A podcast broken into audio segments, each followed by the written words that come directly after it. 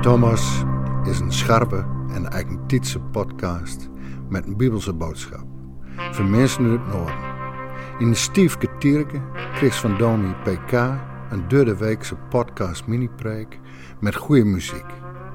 Thomas wil behulpzaam worden bij het leren kennen en het navolgen van de man van Nazareth. In een tijd dat door Horst tegen droods verwedden moest.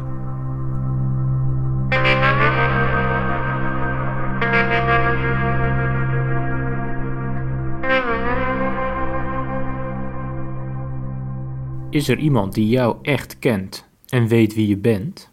Iemand die jouw gedachten, gevoelens en gedrag kan plaatsen en weet wat je hebt meegemaakt. Iemand die jou kan doorgronden. En zou er ook iemand zijn op aarde die God door en door kent? Iemand die hem begrijpt, kan bevatten en in zijn hoofd en hart kan kijken? Die weet waar hij vandaan komt en wat hij in al die eeuwen zoal heeft meegemaakt. Ik denk dat je op beide vragen alleen maar ontkennend kan antwoorden. Nee, er is niemand die jou altijd en helemaal kan peilen. En er is niemand die God volledig kan doorgronden. De ander en God blijven altijd iets van een mysterie voor jou en voor mij. Maar als dat waar is, is dat dan niet een beangstigende gedachte? Blijf je dan niet eenzaam achter wanneer niemand jou helemaal kent? En ook richting God. Want hoe kan je dan zeker weten dat Hij betrouwbaar is? Blijft Hij dan niet een onberekenbaar, gesloten boek voor je? Vandaag wil ik je kennis laten maken met iemand die aarde en hemel met elkaar in contact brengt. Iemand die God kent tot in de kern en tegelijk ook jou beter kent dan jij jezelf. thema bij deze podcast over 1 Corinthians 2 vers 10 is Ken je mij?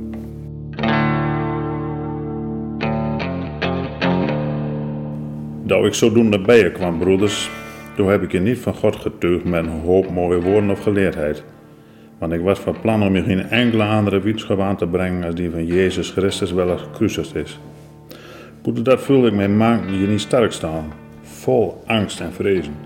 Mijn spreken en preken kwam ook met overtuiging van geleerde woorden, maar met overtuiging van de kracht van de geest. Zodat je geloof niks te maken heeft met de geleerdheid van mensen, maar met Gods kracht. Toch praat bij tegen wel als er geschikt voor bent over de geleerde inzichten. Maar dat is niet inzicht van deze tijd. Net zo min als van denken wel als in deze tijd voor het hebt. En wel hun macht aan diggel giet. Maar wat als wij boschap, dat is een verborgen inzicht van God. Haast niet te verstaan en door God verstonden van bestemd tot ons hoog aanzien.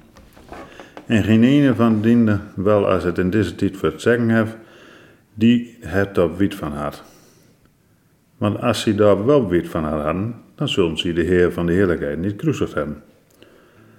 Maar wij boodschap wat als de geschreven staat.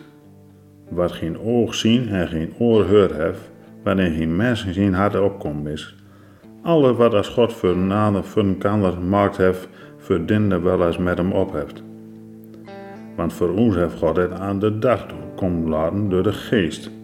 De geest aanschouwt je achter alle dingen, achter alle godsdienst geheim alledags. Want wat voor mensen werd wat als er in hemzelf omgiet als alleen zijn eigen geest? Zo werd ook geen ene wat als in God omgiet als alleen nog God zijn geest. Nou dan, wij hebben niet de geest van de wereld gekregen, maar de geest die van God komt. Zodat wij wit hebben van wat ons door God zijn genade gegeven is. Daarom gebruiken wij dan ook woorden die ons niet bijbracht zijn door menselijke geleerdheid, maar door de geest. Zodat wij geestelijke dingen klaarmaken met de spraak van de geest. Maar de natuurlijke mens neemt niet aan wat als voor Gods geest komt, want voor hem is dat onneuzelheid. Hij kan het alledaagse niet verstaan, omdat het alleen maar naar de geest te keuren is. Maar de geestelijke mens kan alles keuren zonder dat een hem keuren kan. Want wel heeft kennis van de Heer zien inzicht dat hij hem raden doen, doen zult. Maar wij hebben het Christus zien inzicht.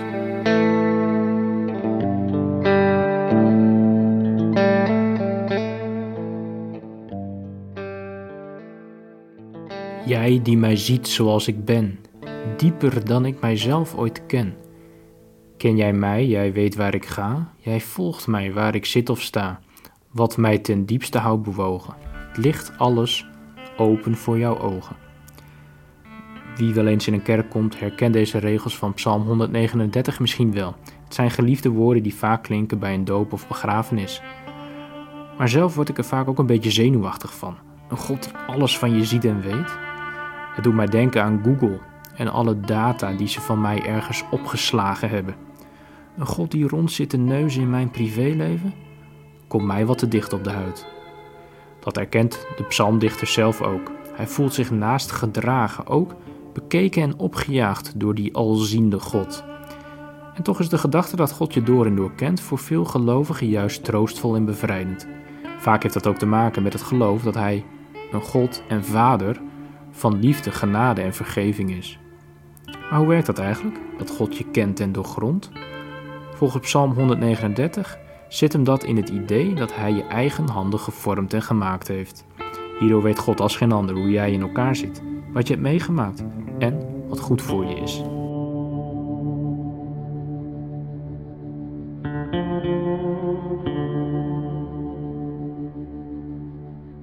Maar er is nog meer. God heeft nog een andere manier om jou te leren kennen. Een anonieme brievenschrijver in het Nieuwe Testament omschrijft Jezus namelijk ergens als iemand die jou goed kan begrijpen. Hij zou iemand zijn die met jouw zwakheden kan meevoelen, omdat hij net als jij in elk opzicht op de proef is gesteld. Zo heeft God in Jezus Christus het leven van wieg tot graf meegemaakt. Denk aan woestijnquarantaine, angst, pijn, twijfel, verlaten zijn door vrienden en dood door verstikking. Hij is geen directeur hoog in een kantoor die nooit op de werkvloer komt en toch alles beter denkt te weten. Hij kan er zelf over meepraten en doet dat volgens de auteur dan ook bij zijn Vader in de hemel.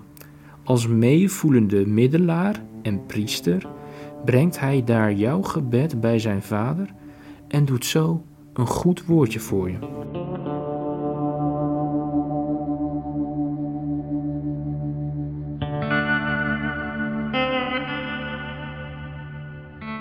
Daar komt bij dat ook de geest de puzzel van jouw persoonlijkheid nog verder aan kan vullen.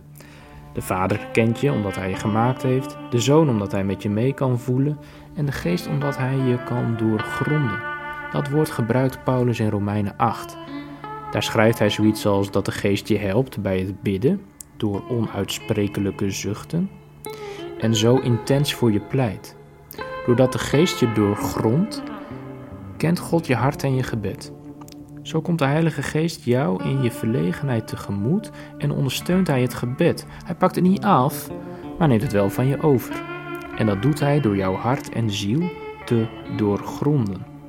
Ook dat wat je voor jezelf of anderen verborgen houdt, of waar jij geen woorden aan kunt geven. Zo legt Hij hart en ziel open voor God. Ook als het bidden niet lukt, of je geen zin of tijd hebt.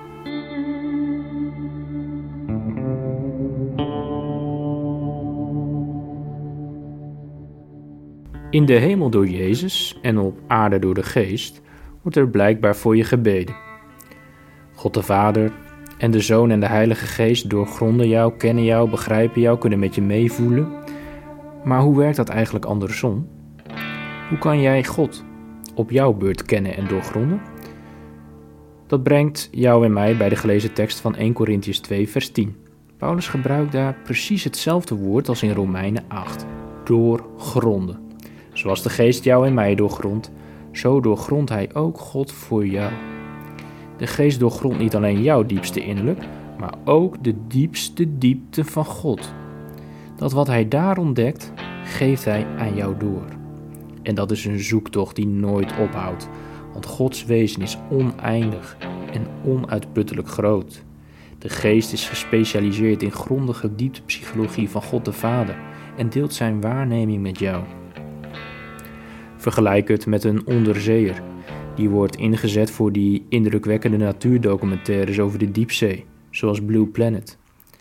Het schijnt dat een derde van de aarde bestaat uit oceaan en dat op vele onbekende diepe plekken nog nooit een mens is geweest. hoe dieper de camera afzakt in die documentaires over de diepzee, des te vreemder zijn de dieren die in beeld worden gebracht. Zo stel ik mij ook het werk van de geest voor in jou, maar ook in het ondoorgrondelijke en eeuwige wezen van God. De geest laat zijn licht, net als de camera van zo'n onderzeeër, afdalen, doordringen tot in alle uithoeken van jou en Gods innerlijk. En zo brengt hij de verborgen schatten naar de oppervlakte, zodat je opnieuw, of voor het eerst, onder de indruk kan raken van God.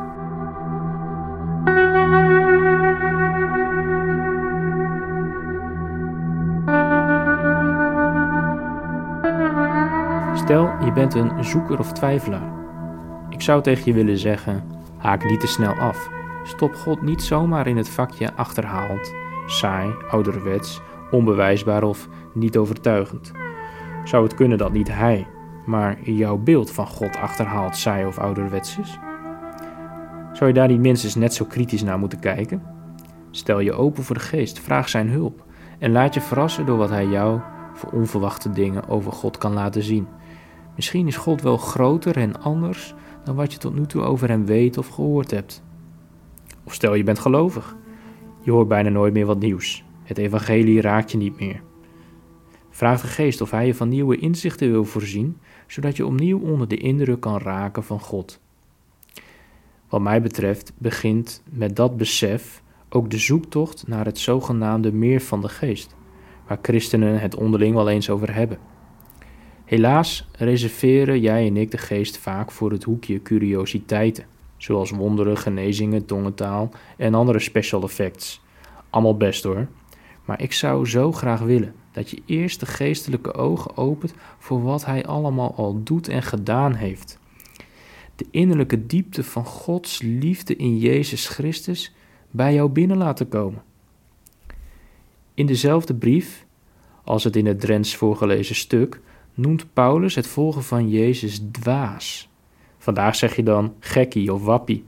Als je dat bedenkt, krijg je misschien ook wat meer respect voor de Heilige Geest, die het dan toch maar even flikt om jou zover te krijgen dat je buigt. Als geest was hij betrokken bij het orde scheppen in de chaos van het begin. En steeds weer, waar een nieuw creatief idee, uitvinding, lied, medicijn, gedicht, vaccin, een blad aan de boom dat tot leven komt, daar is hij herscheppend aan het werk. Ook in jou en mijn leven. Door het goede te doen. Voor God, je naaste en de schepping.